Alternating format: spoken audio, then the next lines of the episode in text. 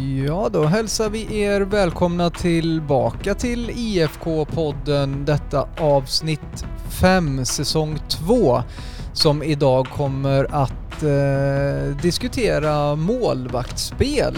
Eh, och eh, det blir väl Jessin som ställer en del frågor till mig kan jag misstänka. Vi får väl se vad det landar i. Eh, häng på får vi se.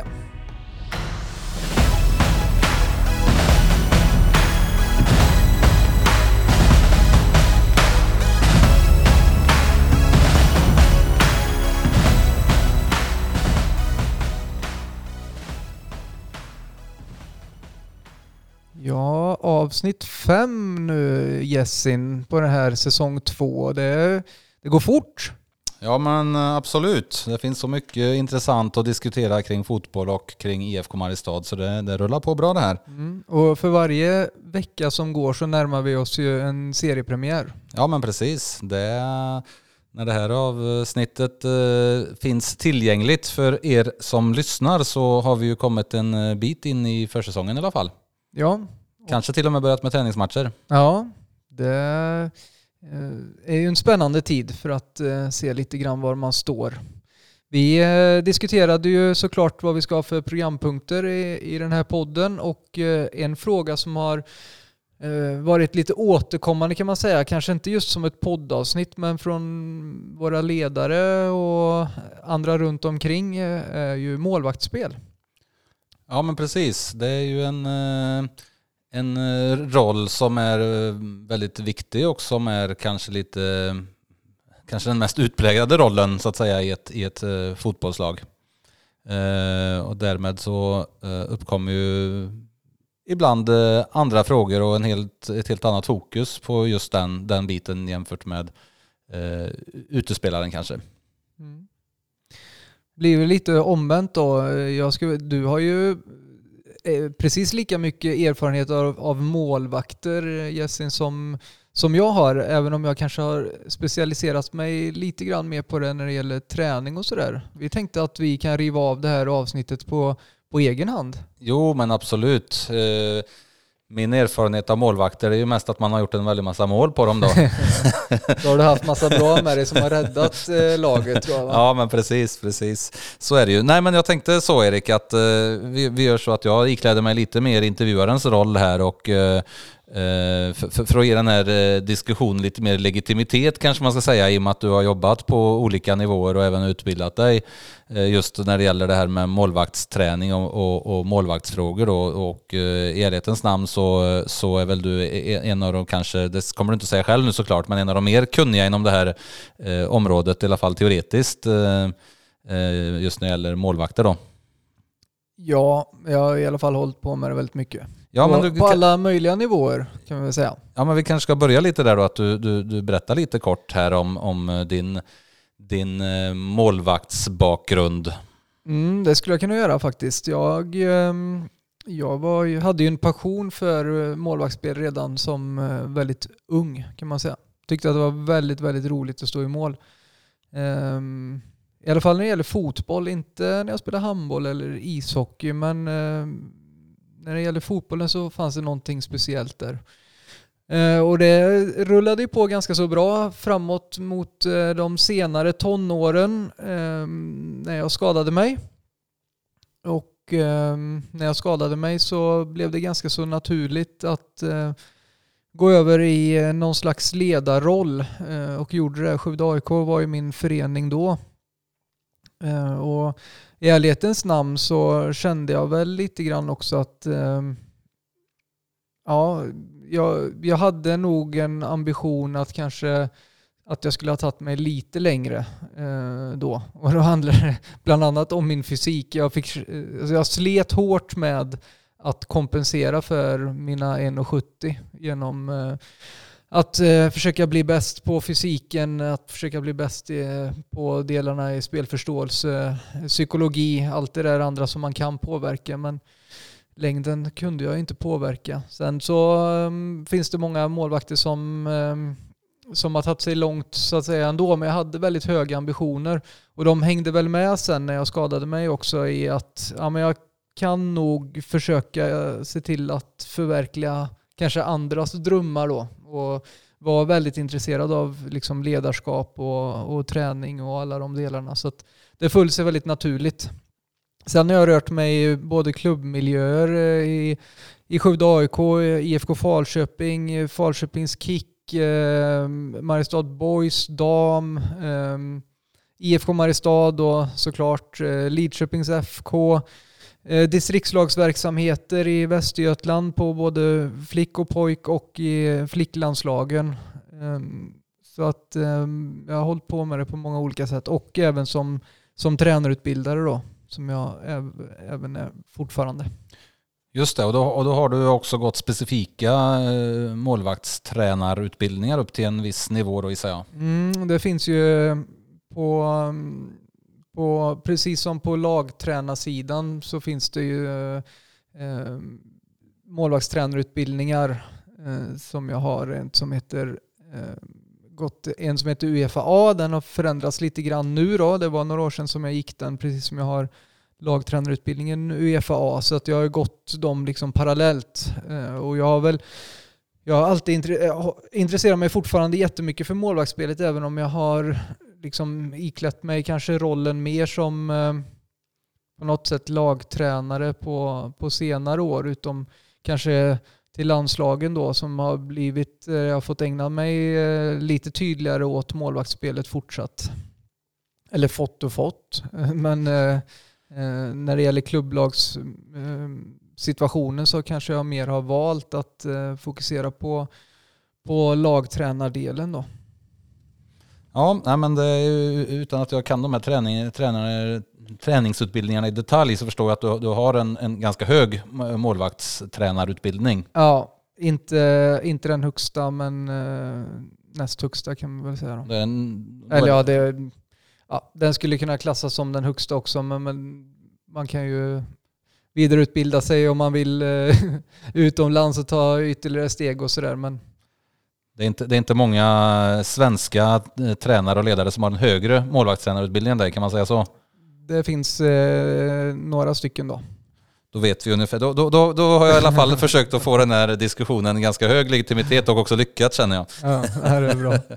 eh, en egen reflektion där kring det här med längden. Eh, som du pratade om där. Man, alltså, man ser ju på, på, på den nivån som vi är idag och kanske även på något högre nivå, alltså att det finns målvakter som inte är speciellt långa som kompenserar det med god spelförståelse, med spänst, eh, timing och så vidare. Men tittar du på den allra, allra högsta nivån, om du pratar om landslagsnivå och professionell nivå, de högsta divisionerna i, i de bästa länderna och så vidare, så är det väl ganska ovanligt att en målvakt är under 1,80. Jo, men det, det, blir ju känsligt i många olika situationer såklart. I, i bland annat luftspelet eh, och hårdare skott ut mot stolparna. Så, så är det klart att räckvidden har eh, en, en stor betydelse. Samtidigt som vi vet, precis som vi diskuterar som utespelare, att en väldigt god spelförståelse, med, med en god spelförståelse så tjänar man sekunder.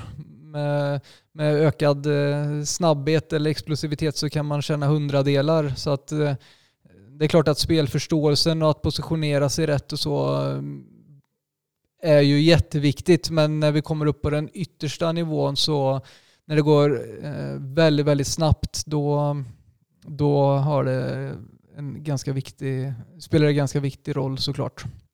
Just när det är kopplat till målvaktsspelet. Ja, det kanske är någon eh, lyssnare här som har eh, bra koll på detta och som kan tipsa om någon målvakt som är en bit eh, som är under 1,80 och som spelar på den högsta nivån. Det hade varit lite mm.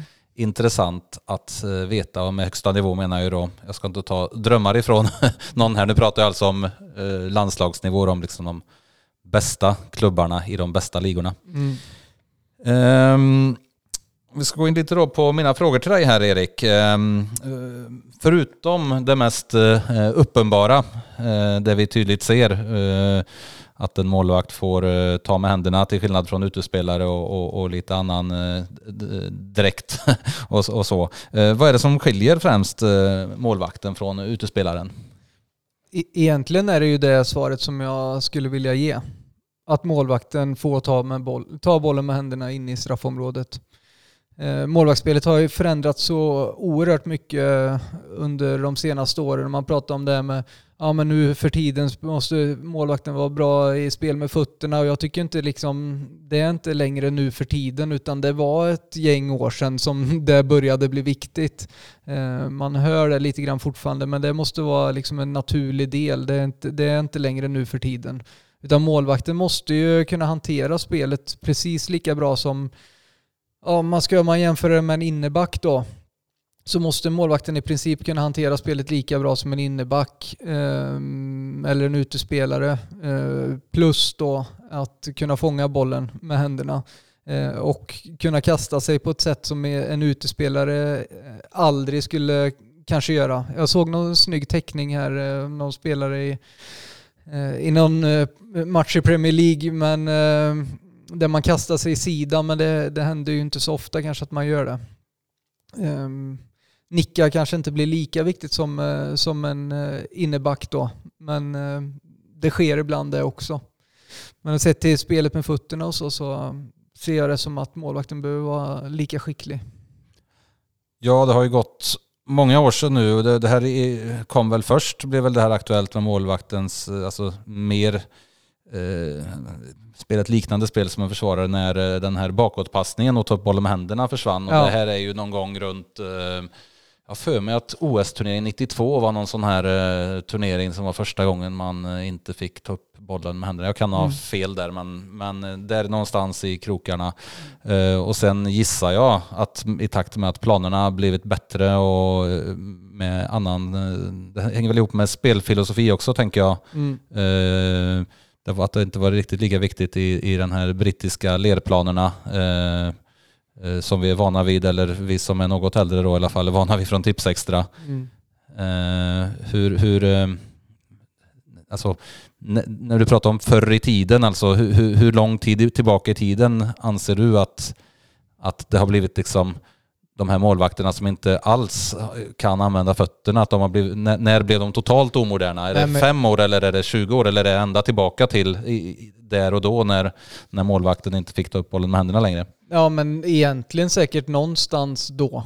Med en försk viss förskjutning för att jag tror att man med en viss rädsla i inledningen av den regelförändringen så kanske man inte inkluderade målvakten lika tydligt i, sitt, i sin uppspelsfas till exempel. Eh, för att man inte var, man litade inte på målvakten i att, att spela hem bollen till målvakten för att locka upp en forward till exempel.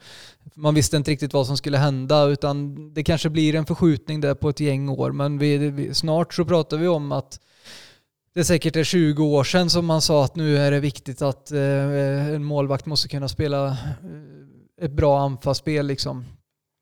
Ehm, så att ehm, vi backar en bra bit tillbaka i tiden men jag tror att det dröjde ett gäng år innan man vågade inkludera målvakten i, sitt, eh, i sin speluppbyggnad helt enkelt. Och det här spelet med fötterna då, det, det ehm, har man ju då alltså i, i många år nu redan från tidig ålder eh, så att säga tryckt på och, och, och eh, tränat barn och ungdomar på. Ja, ja, och det, ja precis. Och kommer vi in på det med liksom hur, hur, vi ska jobba med våra barn och ungdomar kopplat till målvaktsspelet så ska det inte skilja någonting från utespelarna. Och, eh, alltså, alla är fotbollsspelare. Ja, ur, men, ur mitt perspektiv och, och se det då. Om vi börjar från början då, när du, när, om vi tar det hela stegen, liksom, vi går från barn och till ungdom och sedan upp till senior. Hur, hur, hur, hur kan man ta de här olika stegen i, i målvaktsträningen? Både med spelet med fötterna men också andra, andra typer av målvaktsträningsövningar. Eh, mm. Num nummer ett är ju att verkligen, vi pratar om de yngsta nu, att verkligen jobba, förorda väldigt mycket lek och spel Eh, Ehm, bland de yngsta. Ehm, och att man där inkluderar liksom att alla står i mål.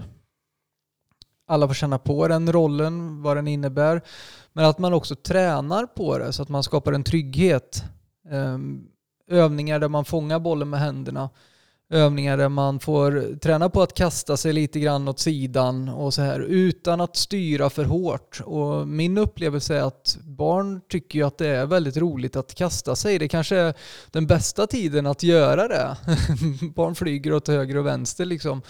Och mm, det tror jag är mm, en viktig nyckel att man i de unga åren ser till att alla tränar på att fånga bollen och rollen att stå i mål. Eh, verkligen inte ha någon eh, resultatbetoning eftersom att det kan vara en liten utsatt position. Man kan lätt känna att eh, eh om man fokuserar på resultatet, att det var mitt fel, att eh, vi inte vann matchen om man börjar prata i sådana termer utan fokusera på liksom vad man vill jobba, eh, jobba med och utveckla i, i spelet i olika positioner. Så att precis som man roterar mellan att vara eh, back och forward när vi pratar om de yngsta så roterar man mellan att vara målvakt, back och forward. Och när man blir äldre sen och man får en lagdel till så ska man rotera mellan att vara eh, back och mittfältare och forward. Det gör säkert många men man kanske glömmer att man också ska eh, jobba med rollen som målvakt. Det är en position som alla andra. Eh, och jag tror att även om man inte fastnar i slutändan för att bli målvakt så tror jag att det ger väldigt bra perspektiv att, att känna på hur det är att vara målvakt. Jo men absolut och, och ju fler som provar på det desto större chans gissar jag det är att man i slutändan fastnar för det här och, och, och, och på något vis eh, ja, kanske bestämmer sig för att satsa på att bli målvakt. Mm. Um, för jag, tr jag, tror nämligen inte på någon specialträning när vi pratar om de yngsta i spelformerna. I tre mot tre har man ingen målvakt. Ehm, fem mot fem så har man målvakt och sju mot sju. Jag tror inte på någon specialträning eh, där alls utan att man känner på det och inkluderar det i, i naturliga övningar som man gör. När man kommer upp eh, nio mot nio, ehm, upp mot i, i tonåren då, så kanske till viss del för de som känner att de är mer intresserade av det. Ehm, men eh, jag tror att man lite för ofta har lite för bråttom och blir lite stressad över att man ska jobba med specialträning fast man inte tänker på det riktigt på samma sätt som att specialträna eh, någon som yttermittfältare eller specialträna någon som inneback. Det pratar man inte lika mycket om men det, jag tycker att det finns lite grann kanske en stress kring det här i Eh, i målvaktsspelet i, i, i väldigt tidiga åldrar. Pratar, eller jag nämnde det här inledningsvis att det är ju ändå en roll som sticker ut lite jämfört med andra eh, roller. Jag menar, eh, det är ju ganska vanligt till och med att spelare ju äldre man blir kanske faller längre ner i, i planen. En forward kanske blir mittfältare på ålderns höst, en mittfältare kanske blir back de sista åren. Och, och, och, och, även en spelare som är forward kan med lätthet när som helst egentligen under sin så att säga karriär kliva ut på ett yttermittfält och göra det bra ifrån sig. Målvaktsrollen är ju något helt annat ändå. Eh, det är väldigt sällan som man är så att säga duktig både eh, på, på, sin nivå, både som utespelare och uh, målvakt. Jag minns ju i och för sig den här mexikanska målvakten då. Mm. Erik, du är inte så gammal, eller kommer ihåg honom? Campos, ja, uh, som uh, till och med spelade VM. Han stod i mål från början och så hoppade han in på topp på slutet mm. när de borde göra mål. Det, det är ju väldigt, väldigt ovanligt. Um, när tänker du någonstans att man behöver liksom besluta sig för att jag ska bli målvakt och därmed köra en väldigt specialinriktad målvaktsträning.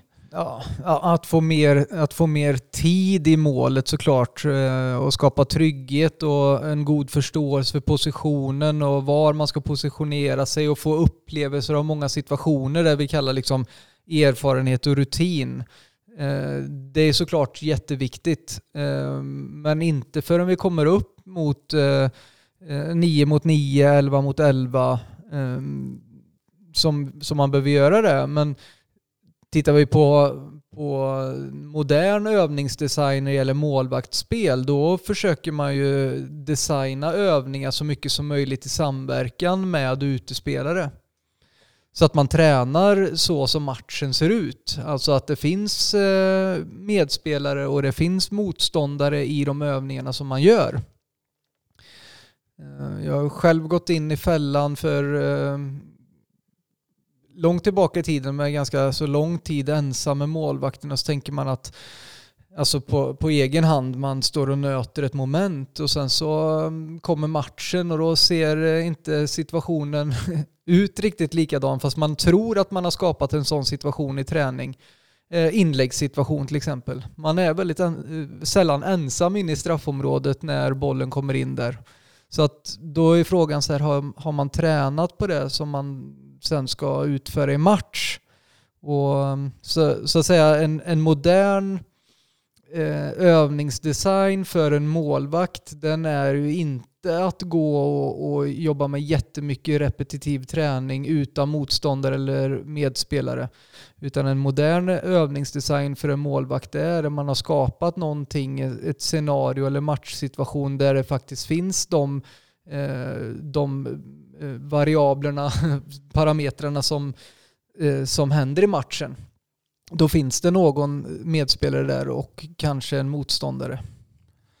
Ja men precis. Ehm, oftast, ofta, nu, nu har jag ju mest då varit med på seniornivå men när man då tränar så kommer man ju ofta i det här läget att ja, målvakterna, ni går iväg, vi kör våran uppvärmning här, målvakterna, ni går iväg, ni är kanske två eller tre stycken, ni kör er grej eh, och sen så ansluter ni till eh, övriga gruppen här efter eh, 20 minuter eller 30 minuter och då ska vi ha en skottövning eller ett, eh, en, en inläggsövning eller vad det nu kan vara. Eh, hur kan du prata lite kring detta Erik? För oftast kanske det är så att man inte har, som vi då, förmånen att ha en kille som du som är väldigt kunnig på detta. Va? Utan oftast kanske det är en en ledare eller en tränare som är en fotbollstränare och, och har spelat ute själv och, och, och, och, kanske i och för sig har läst lite om hur man kan utforma en målvaktsövning men kanske inte riktigt känner sig trygg i det. Hur kan man tänka när man ska utforma eh, övningar trots att man inte har någon, någon utpräglad, utbildad eh, målvaktstränare? Jag tror att många, många är väldigt rädda för att man ska liksom ge målvakten någonting, att man inte kan det riktigt. För jag har själv inte varit målvakt, men min motfråga blir då, men har du varit både back, mittfältare och forward och kantspelare och central spelare? Så att du är så skicklig så att du kan ge alla andra egentligen någonting. Och så börjar man fundera på så här, men vad skiljer då innebacken från målvakten? Det finns alltid någonting man kan ge. Och alla tränare har ju designat övningar för målvakterna. Bara att man kanske inte har lagt rätt fokus i övningen. Eller har, man kanske inte har gett någon feedback alls till målvakten. Eh, en skottövning till exempel är ju såklart målvakts, målvaktsträning. Ja. Eller en eh, tre mot två situation är ju en målvaktsövning. Men ofta kanske man lägger betoningen och, och, hur man beskriver övningen som att nu ska vi träna anfallsspel, vi ska träna på att komma till avslut och sen så ställer man bara målvakten i mål. Då kan man fundera på så här, men vad kan jag ge någonting till målvakten så den känner att ja, men det här är också en övning som är skapad för mig. Det är väl det ena. Jag tror att man ska, har skapat väldigt mycket bra men man kanske har glömt bort att eh, ge målvakten någonting som man ändå kan ge. Och sen, jag tycker att det är väldigt roligt att vara med på lagtränarutbildningar, särskilt när man har målvaktsfokus. Eh, vid de delarna som man har målvaktsfokus. Och jag tror att man kan tänka om i väldigt mycket i det som man vanligtvis gör. Om man tänker en vanlig kvadrat som väldigt många har gjort i alla tider, men har man haft ett litet mål bakom den sidan som målvakten är på och att om den spelaren som tar bollen i mitten i kvadraten, eh, den har möjlighet att göra mål på det lilla målet målvakten är med och spelar tre mot en eller fyra mot två. Och när man tappar bollen till dem i mitten så har de chans att göra mål på målvakten. Då får den liksom först spela anfallsspel med fötterna, men när den spelaren i mitten tar bollen, ja men då, då får målvakten agera. Även om det är ett litet mål, det behöver inte vara ett stort mål, men man får agera på ett skott som kommer mot en som är ganska nära. Eller en annan övning som väldigt många gör, man gör en trippelkvadrat kallas den, eh, eller den det är en trippelkvadrat men den kallas eh, engelska kvadraten eller engelsmannen också. Där kanske man skulle kunna ställa mål bakom ytan så att målvakten har en yta att spela på och när motståndarna tar bollen så har de chans att göra mål på målet. Ofta så när man gör den övningen i, i grunden så, så finns det inga mål med. och målvakten kanske springer där inne och pressar. Pratar vi med de lite äldre åldrarna så kanske vi kan ha ett mål istället så att man kan använda målvakten där. Eller när man spelar, gör övningar med, med bollinnehav, att man kan ha eh, målvakten i en yta lite längre ner så att målvakten får liksom spela med fötterna i, eh, i en situation som liknar den som kanske sker på match. Kanske inte att man är mitt i allting utan att man eh, ja, är en understödsspelare då till exempel. Så jag tror väldigt mycket att man kan förändra väldigt mycket i det, i det som man, man redan gör. Bara att man tänker kanske så här, ja men skulle jag kunna göra någonting för målvakterna i, i den här övningen som jag brukar göra? Lite tipset till tränare då det är att det, det, det, håller inte att säga att jag vet ingenting om eh, fallteknik och palming eh, eh, utan lite uppfinningsrikedom och lite reflektion så går det att lösa de här bitarna på ett ganska bra sätt så att målvaktsträning får målvaktsspecifik träning utan att för den sakens skull det finns en, en, en utbildad och erfaren målvaktstränare på plan.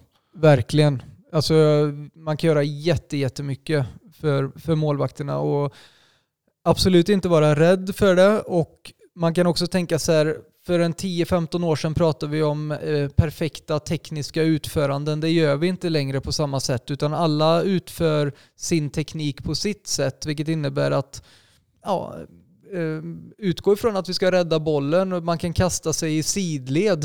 Sen så behöver man inte ge en, eh, 15 instruktioner för att man ska göra det utan att man får testa sig fram att man får, som man kallar det i, i tränarutbildningen nu, att man får öva på egna upptäckter. Och då handlar det om att liksom, ja, försöka kasta dig åt det ena eller det andra hållet och hitta ditt sätt att kunna rädda bollen på det bästa sättet. Så, så kommer man väldigt långt.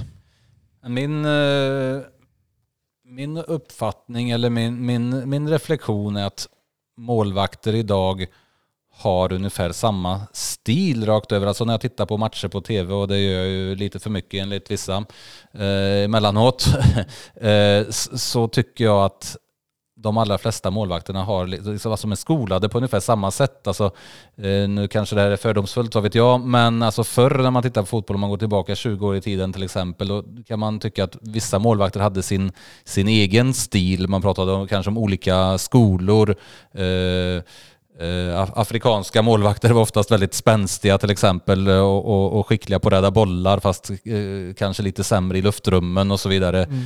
Eh, man pratar om den tyska målvaktsskolan som jag fick lära mig mycket av av en gammal målvakt som jag spelade, spelade med.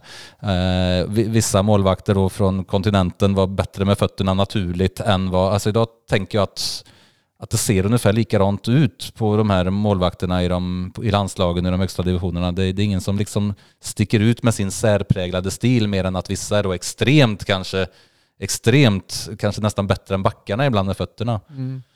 Nej men det är väl för att man inte, det, det, det finns ingen eh, möjlighet att ha eh, alltså, så mycket sämre kvaliteter inom något område nu tror jag. Eh, utan man, man behöver, om vi ska prata den absolut högsta nivån, så behöver man klara allt på ett väldigt, väldigt bra sätt. Eh, förr så kanske det gick att eh, ta hem det ändå på något sätt genom att ha någon spetskvalitet, men någonstans som det...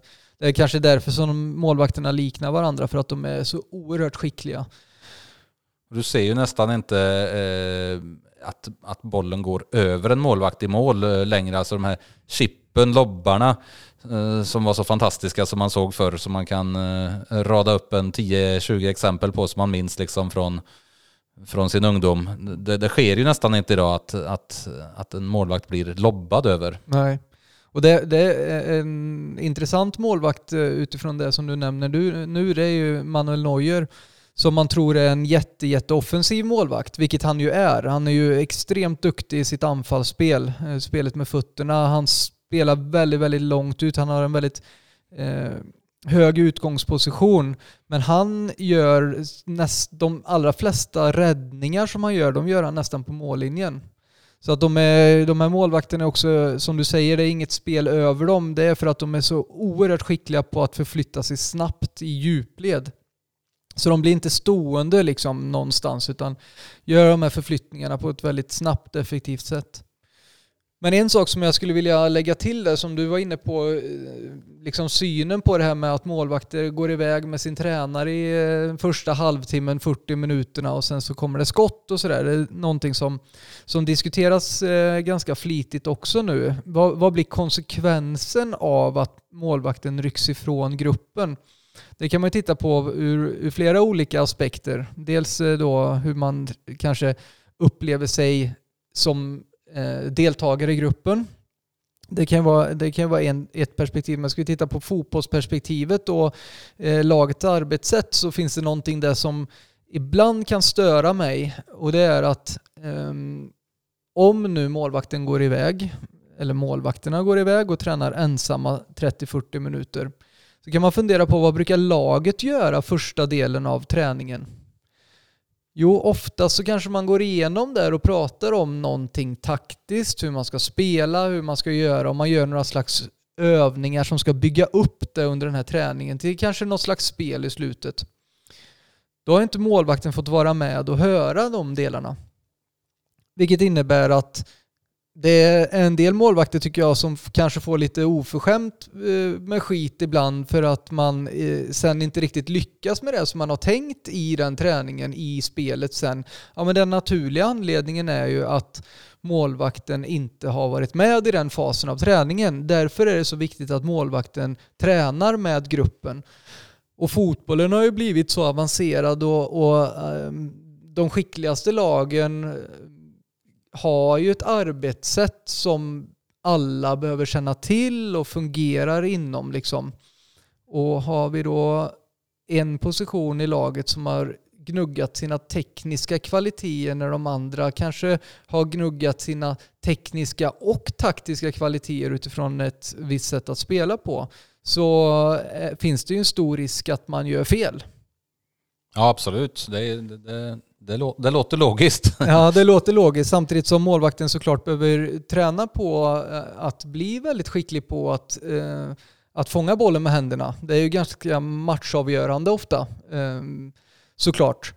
Men eh, än viktigare kanske är att målvakten förstår samspelet med sina, sina backar så att inte den situationen behöver uppstå. Eh, om vi ska vara riktigt ärliga. Jag tror att mycket handlar om tra traditioner, eller att vi, så, här, så här har vi alltid gjort. Mm. Alltså om du tittar på en uppvärmning idag så ser den eh, och förberedelser när man samlas innan match, vilka steg man gör innan uppvärmningen, under uppvärmningen och precis efter uppvärmningen. De har ju sett ganska exakt likadana ut tror jag i alla fall i de 30 åren som jag har varit eh, engagerad kring, kring fotbollen eh, på junior eller seniornivå. Eh, så man faller nog in i vissa mönster tror jag och, och, och, det här tror jag bottnar i mycket Alltså just att, att huvudtränaren inte riktigt vet vad han ska göra med målvakterna. Givetvis så kanske man behöver värma upp på ett lite annat sätt eftersom du ska ha med överkroppen och allt det här. Men, men ofta, ofta tror jag alltså att jag så, det, det, kommer från början av att jag som tränare, jag vet inte hur ska jag, hur ska jag kunna värma upp en målvakt. Jag vet mm. inget om målvaktsspel. Ja, målvakterna, ni, ni går och gör eran grej, ni vet vad ni behöver göra. Mm. Eh, kanske med någon assisterande tränare eller något. Och så håller jag i i övriga gruppens uppvärmning, där känner jag mig trygg och vet att jag gör rätt så att säga. Ja, men jag har full förståelse för det, men det som vi kan skicka med här är egentligen eh, ökat självförtroende i att våga ta med målvakten i gruppen och det finns jättestora vinster med det. Framför allt när vi pratar om de, de, de yngsta såklart, men även när vi pratar om de som har kommit längst jobbar så, eh, så jobbar elitlagen också, de som har kommit långt i att ha ett bra välfungerande team. Och jag träffar ju målvakter som säger så här, ja, men det, jag saknar målvaktsträning. Ja, men vad är målvaktsträning egentligen då? Alltså det är ju en väldesignad bra övning där det finns medspelare och motståndare och det finns någon som eh, kan ge dig feedback i, i träningen. Eh, det bästa är om man kan ge sig själv feedback såklart, men har du förmånen att ha en målvaktstränare på plats dessutom så eh, är det ju ett ypperligt tillfälle att jobba med delar i spelet med den, den tränaren ehm, i den övningen tillsammans med de andra tränarna och de andra utespelarna. Så man behöver inte gå ner till till straffområdet själv med en målvaktstränare för att det ska vara målvaktsträning utan det är målvaktsträning ändå. Eh, det är bara att man behöver, jag tror, ibland tror jag bara att det handlar om att man ska tänka lite grann extra på eh, målvaktspositionen. Mm. Eh, vi har ju varit inne här lite på att eh, den eh, elitmålvakten idag, de, på den allra högsta nivån, de är så pass allround. De de, det finns liksom ingen, inget utrymme för att ha någon lite sämre del där. Men om vi tittar på de, som inte, de målvakter som inte riktigt håller världsklass eller hög, hög internationell klass. Finns det något specifikt där du skulle, något tips du skulle kunna ge det? Eller vad, vad behöver man träna mer på generellt sett som juniormålvakt eller som division 3-målvakt eller som eh, andra målvakt i superettan. Ja, nu ska jag ge dig ett jättetråkigt svar då. Man behöver träna på alla delar i en fotbollsaktion. Och då, det, det är egentligen det tråkiga svaret för att allting hänger ihop. Man pratar om en fotbollsaktion, det är, det är samverkan av fyra delar. Det är teknik, det är psykologi, det är spelförståelse och det är fysik. Och det som vi, vi pratar om där med gamla traditioner och mönster så om, om vi skulle göra som vi alltid har gjort, om vi tar exemplet att man går och tränar då eh, målvakten eh, ensam utan motståndare och så vidare. Jag tränar inlägg. Då tränar jag på kanske det tekniska utförandet att fånga bollen. Det jag inte får träna på där är ju egentligen spelförståelsen, för den baseras på samverkan med motståndare och medspelare. Och eh, det psykologiska. Så man säger att eh, ett inlägg för en målvakt i match, det är ju samverkan mellan det tekniska, att kunna fånga en boll i luften till exempel. Eh, spelförståelsen, alltså tajmingen i förhållande till medspelare och motståndare. Det är psykologin, alltså modet att våga gå dit och fysiken att ha tillräcklig kraft för att göra upphoppet så i den situationen. Så målvaktsspelet är oerhört komplext och jag tror vi har pratat om tidigare, eller vi, inte här, men man har pratat om att målvakter behöver eh, utveckla sin fysik. Och vi har tittat internationellt så har man också sett att ja, men internationellt kanske man har lite bättre fysik. Men jag tror mycket på att det handlar om psykologi. Hur man eh, tränar på det. Ehm, för att det kan upplevas som en utsatt position. Och man måste bygga upp en trygghet där man känner sig trygg i förhållande till sina medspelare. Ehm, och ehm, Alltså löser man, löser man det så har man löst upp en väldigt stor knut för en målvakt. För att då vågar man också ta djärvare beslut. Man vågar testa sina gränser, kanske löpa ut på bollar utanför straffområdet för att jag känner att jag har mina medspelare med mig även om bollen då skulle råka ramla i mål eh, i, i slutändan av den situationen. Och i det så handlar det ju väldigt mycket om att inte ha för starkt eh, resultatfokus, eh, varken tidigt eller sent egentligen, utan fokusera på eh, beteenden och, och, prestationer och prestationsmål. Eh, för resultat tror jag är, är framförallt på de yngre åldrarna ganska ödesdigert för, eh, för målvakter. Att få fler målvakter. För det är en utmaning som vi har. Det är ju att helt enkelt få fler som står i mål. Så den psykologiska biten, ändå kan du bryta ut lite av alla dessa komponenter som kanske den här målvakten som inte har nått den absoluta toppnivån oftast behöver stärka mera det, kanske än andra. Det, det, skulle jag säga. Och på den yttersta nivån så är det ju oerhörd press så det är klart att de behöver jätte, jättegoda psykologiska förmågor såklart. Men jag tror att eh, när vi pratar både för de yngsta och, och när, när, man kommer upp i åldrarna och oavsett när så för jag tror alltid att man måste våga prova situationer för att man ska utvecklas. Om jag, om jag vågar göra det som handlar om den psykologiska delen då, då kommer jag per automatik utveckla tekniska förmågor. Jag kommer bli skickligare i min spelförståelse för att jag har testat flera olika typer av situationer. Och jag utvecklar förmodligen min fysik för jag, blir, jag, jag vågar röra mig i fler situationer på något sätt så. Så att eh, jag, jag, skulle nog inte gett det svaret för tio år sedan, men jag ger det svaret nu. Jag tror att det är jätteviktigt alltså, som tränare att man är ett, ett väldigt gott psykologiskt stöd eh, och att man jobbar med utespelarna. Eh, också att vara ett, ett gott stöd liksom, eh, för målvakten. Eh, och, alltså när vi är inne lite på det här med psykologi, vi kanske ska börja på att avsluta snart. Klockan börjar faktiskt dra sig mot halv tolv här och då är det inte mitt på dagen vi pratar om. men, ehm, och det här är ju lite fördomsfullt Erik, men jag har ju ofta fått höra då under eh, åren som gått liksom att en målvakt, är man målvakt, för att vara målvakt då måste man vara lite speciell och, och, och ska man lyckas som målvakt då måste man vara lite eh, tokig. Har du hört det någon gång? Nej? Jo. Ja, de har vågat säga det till dig också. Ja. vad tror du, alltså, vad, finns det någon vad, vad, är, vad är bakgrunden till det tror du? Ja, ja, ja. Svårt att säga. I en, eh, i en, en, en strikt och, och, starkt liksom resultatbaserad värld som vi kanske har levt ifrån eh, tidiga åldrar som vi, jag tycker att man har kommit långt med nu i, i spelarutbildningen och hur man, hur man tänker kring matcher så. Då kanske det var vissa typer av karaktärer som, som ställde sig i mål helt enkelt för att eh, det är ganska stort risktagande man tar i förhållande till att kanske vara forward eller mittfältare. Sen, sen krävs det ju ett väldigt stort mått av eh, mod att vara målvakt. Alltså att vara modig i situationer, att kasta sig framför någon som sparkar liksom eller ja, rädda hårda skott nära och sådär. Att man... Ett mod så, men jag, jag vet inte varför man... Ehm, jag, ska, jag kan inte ge någon riktig förklaring 2022 till den, men den där, det, där, det där uttrycket figurerar ju. Du har, du har hört det alltså med andra ord ja? Ja, jag har ja, hört det. Ja, ja. Um, ja,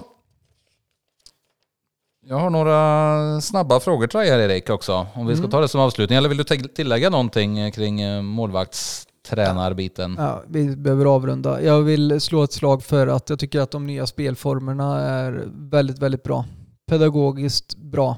Eh, till exempel målstorlekarna tror jag kommer på sikt gynna eh, att det finns, kommer vara fler som vill stå i mål. Att det, det är mindre mål, att målen växer med, med åldrarna så att säga.